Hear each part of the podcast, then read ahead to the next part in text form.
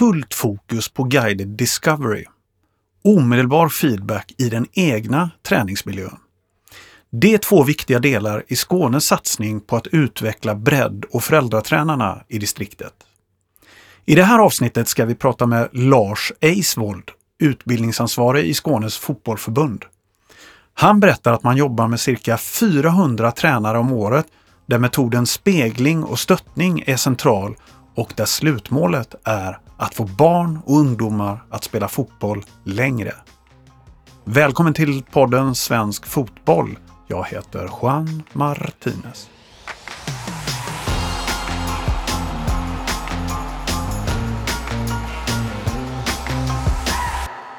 Då välkomnar vi dig Lars Eisvold från Skåneboll. Tack så mycket. Du Lars, eh, berätta om den här satsningen Stöttning och spegling. Varför gör ni den och hur föddes idén? Eh, det, det, är lite olika ingångar i det kan man säga. Eh, dels har vi ju för ett bra tag sedan gjort en omprioritering skulle jag vilja säga i distriktet så att eh, tanken är att vi ska jobba så mycket som möjligt ute i, i våra föreningar på deras hemmaplaner. Varför då? Ja. ja, vi tänker att det är ju det som ger effekt. Det, det är en trygg miljö för tränaren. Eh, han är där han är van vid att vara. Han har sitt lag som han tränar eller spelar och vi kommer dit och eh, hjälper till i hans miljö istället för att han tillsammans med ett antal andra ska ta sig till någonstans där vi har en fortbildning eller, eller en kurs. Så att det är väl ett strategiskt beslut att så mycket som möjligt, det är inte bara den här satsningen, vi kör nästan all kursverksamhet ute i föreningen också en 60 kurser om året som eh, Svenska FFs tränarsteg som vi genomför. Och de gör vi föreningsinternt för att få med fler och för att det ska vara tryggt och, och enkelt att genomföra. Vilken kompetens är ni främst ute efter att höja hos tränarna? Ja, det är väl både och skulle jag vilja säga. Vi, tänker så här, vi har ju värdegrundsutbildningar också såklart. Som vi, vi har haft väldigt många tränare och ledare som har gått ett grönt kort som vi, som vi certifierar föreningarna med. Så att eh, ledarbiten är ju såklart jätteviktig. Vi vill ju att eh, när de är ledare där så, så ska det eh, visa att de eh, stor omtanke om sina spelare och, och respekt för spelarna. Men det är klart att vi vill jobba med deras tränardel också. Eh, Guided Discovery Eh, kom ju fram väldigt tydligt i den här spelarutbildningsplanen så att vi nappar ju på det. Så att vi jobbar ju väldigt mycket med, med momentet Guided Discovery, det vill säga att, att eh, spelarna själv ska få upptäcka lösningar för att på något sätt stimulera deras kreativitet. Så att det jobbar vi ganska mycket med, eh, med tränarna när det gäller den biten. Men, men såklart också stötta dem i, i annat, i, i andra utmaningar som, som hittar i sin tränarroll. Eh, vi tittar på saker som är kopplade till kurserna. Klart, vi tittar på alltså hur är, ser aktivitetsgraden ut eh, på träningen? Är alla, alla barnen och spelarna är de igång i stort sett hela tiden? Vilka lärandemetoder använder man där ute? Hur använder vi leken i träningen för att få fram eh, rätt sätt att träna barnen på? Jobbar man med rätt spelform till exempel, som är viktigt. Vi har ändrat på spelformerna den senaste tiden och det har blivit ganska tydligt. Men vi vill ju inte att ett 5 mot 5 lag ska spela 5 mot 5 och sen på träningen så spelar man 10 mot 10.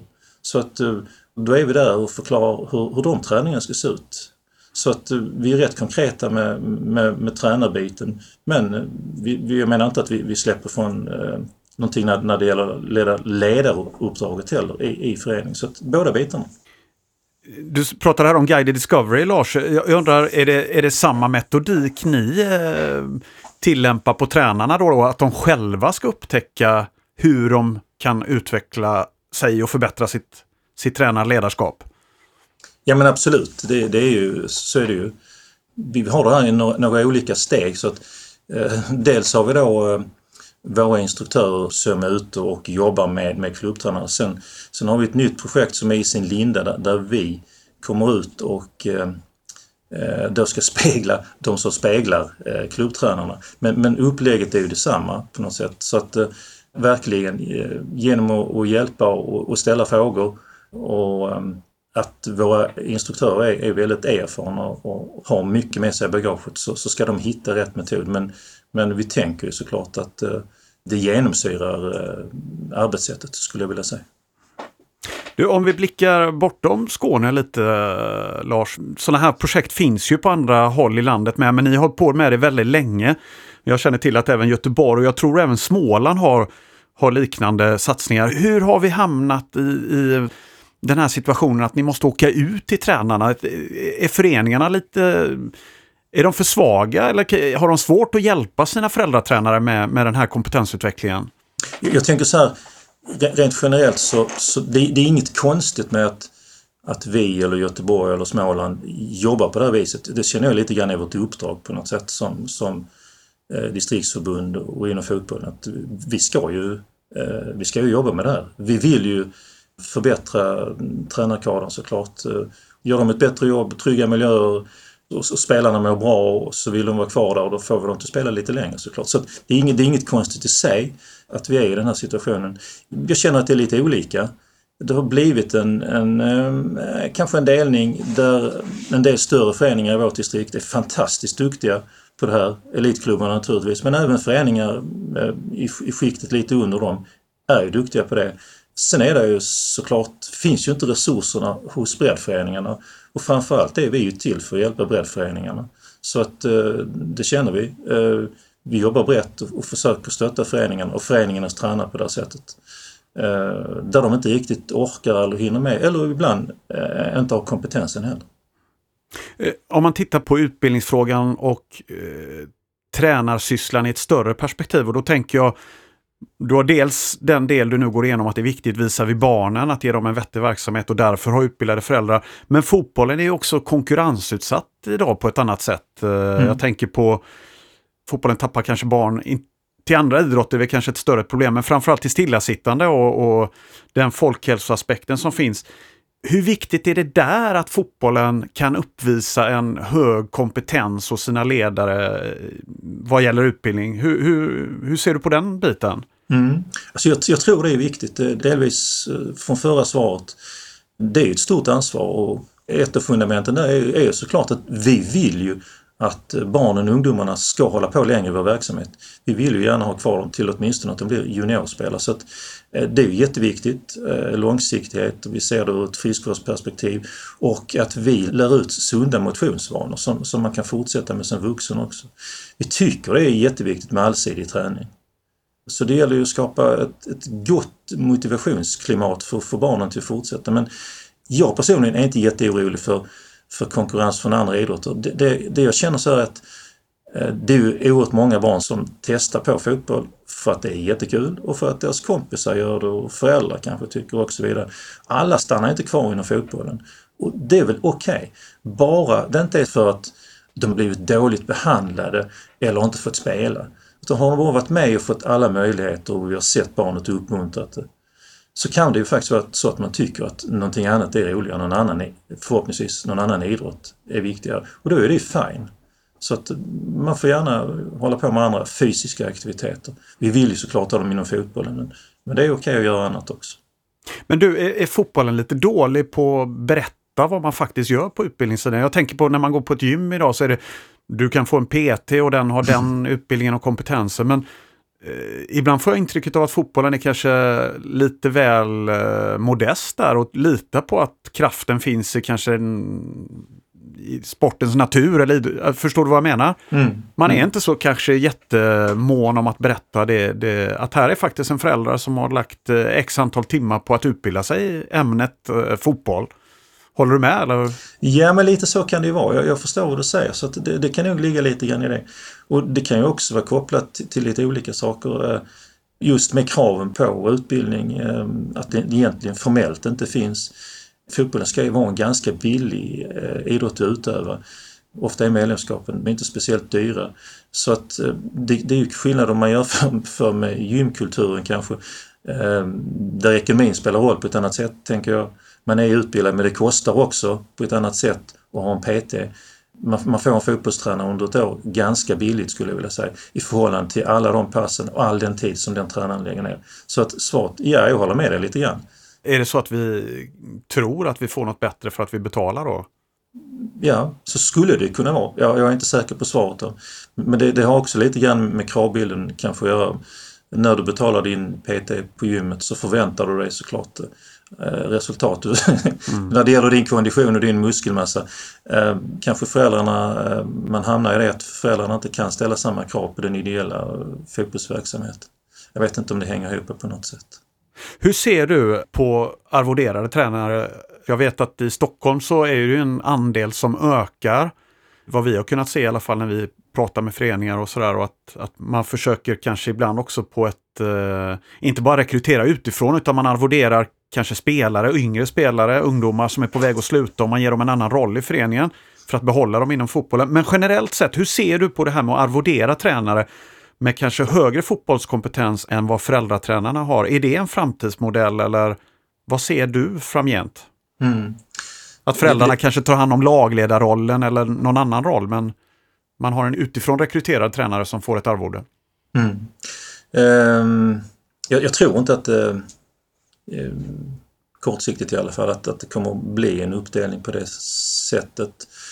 Uh, alltså breddfotbollen, den, den bygger verkligen på den ideella ledarens passion och vilja och stötta och hjälpa och utveckla. Uh, och det, det, är, det, är, så brett så jag, jag tänker det kommer alltid att finnas massor av, av om vi nu kallar dem föräldratränare eller breddtränare, som, som är beredda på att göra detta mm, ideellt för att det ska rulla på. Jag tänker det, det, det är rätt stor skillnad mot, mot eh, den elitverksamheten som vi har, där man har större krav på tränarna och de ska prestera och producera på ett annat sätt. Och det är klart att man, man har en ersättning där. Den är inte jättevanlig på bredden på ungdomsnivå eh, här hos oss jag, jag känner inte att, att eh, det är någon förändring direkt på gång. Sen, sen kan jag ju tycka, så det är klart, eh, finns resurserna och möjligheterna så vi skulle kunna utbilda ännu fler, ännu mer och, och på något sätt eh, arvodera de som har kompetens och bra utbildning och har de äldre i ungdomslagen så ser jag inget, inget fel i det faktiskt. Då om vi återvänder lite till er stöttning och spegling, eh, satsningen där. Vilken respons får ni av tränarna när ni är ute och lämnar feedback och granskar hur de agerar på plats? Vad, vad, vad får ni höra? Ja, man kan säga, först ska man säga att det, det är rätt så stor volym på detta. Som vi, har ju tre projekt. Förutom spelarutbildningsplan Skåne så jobbar vi också med TUC uppföljning, det vill säga att vi kan komma ut till föreningen och stötta de som har gått tränarutbildning C Eh, i praktiken på deras träningar. Sen har vi ett projekt som heter Barnfotbollscoach där vi egentligen eh, inte direkt är i verksamheten på det viset utan eh, vi studerar tränarna för, för barngrupper upp till och med 12 år och sen har vi utvecklingssamtal. Så att vi är ute i ganska många föreningar och träffar ganska många tränare. Eh, nu har det varit taskiga år de två senaste men vi, vi ligger kanske på, vi kanske jobbar med 400 tränare under ett år. Så att få se volymen där så tänker jag allt detta är frivilligt. Det är, ju, det är ju önskemål från förening och önskemål från föreningstränare. Så, så man vänder på frågan så att så många är det i alla fall som tycker att det här är en bra idé. Detta vill jag ha, detta mår jag bra av, detta blir bättre av, detta utvecklas jag av. Sen är ju inte alla med. Om vi är ute i, i en förening vilken som helst så är det ju inte alla tränare som uppskattar och vill vara med i projektet.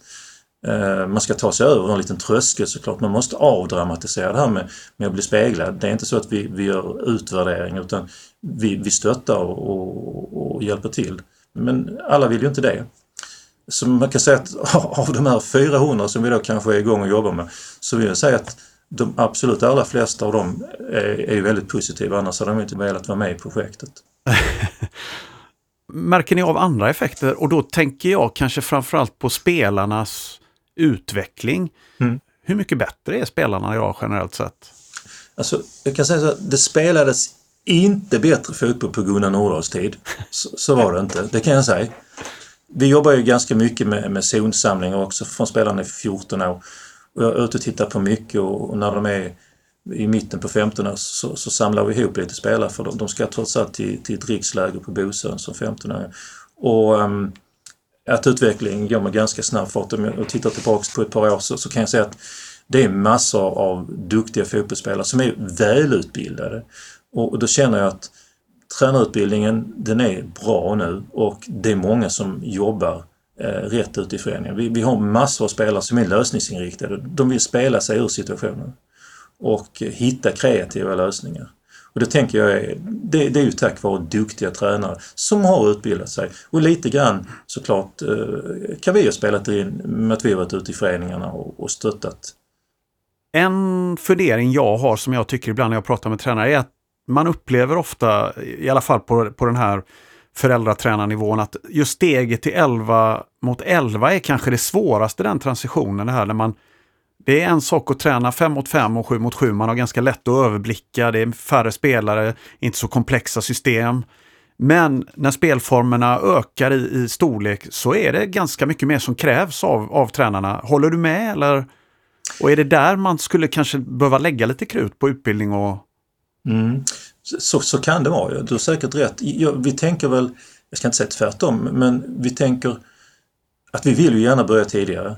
Eh, vi tänker, kan vi få med oss eh, idéer och tankesätt och strukturer eh, redan när spelarna är lite yngre och framförallt hos deras tränare som sen kan följa med upp i åren så vinner vi ganska mycket. Så att vi lägger väl ganska mycket resurser på att hjälpa och stötta klubbtränare redan tidigare. Sen är det en övergång 11 mot 11, den är ju skjuten nu så att nu är det inte förrän det året man fyller 15. Och de flesta föreningar har väl lite mer rutinerade tränare och lite mer välutbildade tränare eh, när vi, när vi pratar 15-årslag helt enkelt. Men, men eh, nej, vi lägger inte mer fokus på dem. Eh, våra 15-årstränare bjuder vi in, förutom detta jag pratar om, har vi också klubbtränarfortbildning som då är kopplat till de här spelarsamlingarna i distrikten. Så att där har vi en bra bit över 100 tränare som vi samlar vid alla de här tillfällena. Och det är då 14, 15, 16 års tränare och eh, jobbar lite grann med att berätta hur vi tänker att träningarna ska se ut. För vi ska ju inte tro att vi med våra spelarsamlingar eh, endast utvecklar spel utan eh, uppväxlingen den, den, den sker ju ute i förening så därför vill vi ha med de, de här 14 till 16-årstränarna också på tänket. Så där kan man säga att vi lägger lite extra resurser. Annars tror jag det är viktigt att börja ganska tidigt med den här processen faktiskt. Nu har ni hållit på med stöttning och spegling i ganska många år så det, det är ju kanske eh, felställd fråga av mig och undrar om det är en brandkårsutryckning. Men, men det började ju som någon form av satsning, projekt och nu har ni hållit på med det några år. Är det liksom det är så här det kommer se ut framöver? Är det en del av, av ert uppdrag nu att, att utbilda tränarna på plats? Man kommer inte till en skolbänk och, och är på en fotbollsplan anordnad av distriktet på en kurshelg utan det är så här ni kommer jobba i framtiden med? Jag tänker att det är en kombination eh, såklart. Som jag sa innan, det har varit en medveten strategi att vi ska komma ut och jobba på föreningens hemmaplan och det är jag helt säker på att det kommer bli ännu tydligare nu genom den här från Svenska fotbollsförbundet spelarutbildningsplan 2.0 så är det ju ett av incitamenten där också att eh, jobba föreningsnära. Så att vi var tidigt igång med det och, det känns jättebra så att det kommer vi fortsätta med, tänker jag, och utveckla så länge, så länge vi har de ekonomiska musklerna, det vill säga att, att RF och Svenska FF stöttar via idrottsmedel. För jag har inte sagt innan att ingenting av detta som jag har berättat om här medför några kostnader för varken föreningen eller fotbollstränaren utan via de idrottsmedel som vi får så finansierar vi den här verksamheten. För det är också så att våra instruktörer eh, vill ju på något sätt också ha betalt för det jobbet som de lägger ner. Men mm. kommer medlen att finnas kvar så kommer vi ju inte att trappa ner utan försöka hitta ännu bättre sätt att hjälpa föreningen. Men, men eh, tror, vägen tror jag framförallt är genom att, att vara där de är. Mm.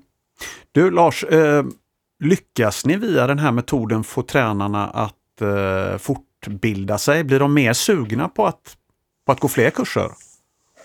Det är lite svårt att svara på men i den här, åtminstone det ena projektet, så bygger det på att när vi pratar utveckling för tränaren så är det vägledning också så att där har vi möjlighet faktiskt ute hos den individuella tränaren och, komma med råd och säga att nu, nu är det ju faktiskt dags. Eh, B ungdom finns och den finns där och den kan vi hjälpa till med. Så att vi har möjlighet eh, till alla de vi träffar och med, med personliga råd. Sen generellt sett så både föreningar och tränare är ju ganska duktiga på att utbilda sig. Mm. Det här som vi kör här, det är ju fortbildningar, eh, speglingsstöttning i fortbildningar. Sen har vi ganska många på den vanliga stegen och de nya spelformsutbildningarna. Så ett bra år så kanske vi har mer än tusen tränare inne på de ordinarie utbildningarna också. Så att, eh, det går väl hand i hand och kompletterar vartannat, tänker jag. Eh, mm. Man går den första utbildningen och sen kanske vi kan komma in som resurs innan man är redo och beredd att ta nästa steg. Du Lars, du har lång erfarenhet både som ledare och eh, tjänsteman på distriktet. Om du tittar tillbaka från när du började inom svensk och skånsk fotboll och jämför med idag. Vad är den stora, stora skillnaden i ledarskapet skulle du säga hos föräldrar, breddtränarna idag? Vad är det största som har hänt tycker du om du överblickar de år du har varit med? Ah, det är svårt att sätta fingret på det men det, det är klart att jag, jag, tänker att vi de fem, sex sista åren har, har blivit tydligare när det gäller att sätta barnet i fokus, så skulle jag vilja säga. Hur syns det konkret? Eh, förhoppningsvis i ledarbeteende. Att man är eh, noggrannare och hur man hanterar barnen helt enkelt. Det är lite mindre problematik kring så om jag får häda lite grann avarterna att, att det är tränare som eh, vill nå egna framgångar eller karriärer. Och det är viktigare att det är barnets perspektiv som får gälla. Jag tycker det, det är där det har man jobbat ganska mycket på. Föreningen har varit ganska duktiga. Lars Eisvold, Skåneboll. Stort tack för att du gästade podden Svensk Fotboll. Tack så mycket, det var trevligt. Du har lyssnat på podden Svensk Fotboll med Lars Eisvold från Skåneboll. Har du några funderingar, tankar eller kanske idéer som du tycker att vi ska ta upp i podden? Hör gärna av dig till podden at svenskfotboll.se. Det är tillsammans med alla er där ute som vi gör svensk fotboll lite bättre varje dag. Jag heter Juan Martinez. Stort tack för att du har lyssnat.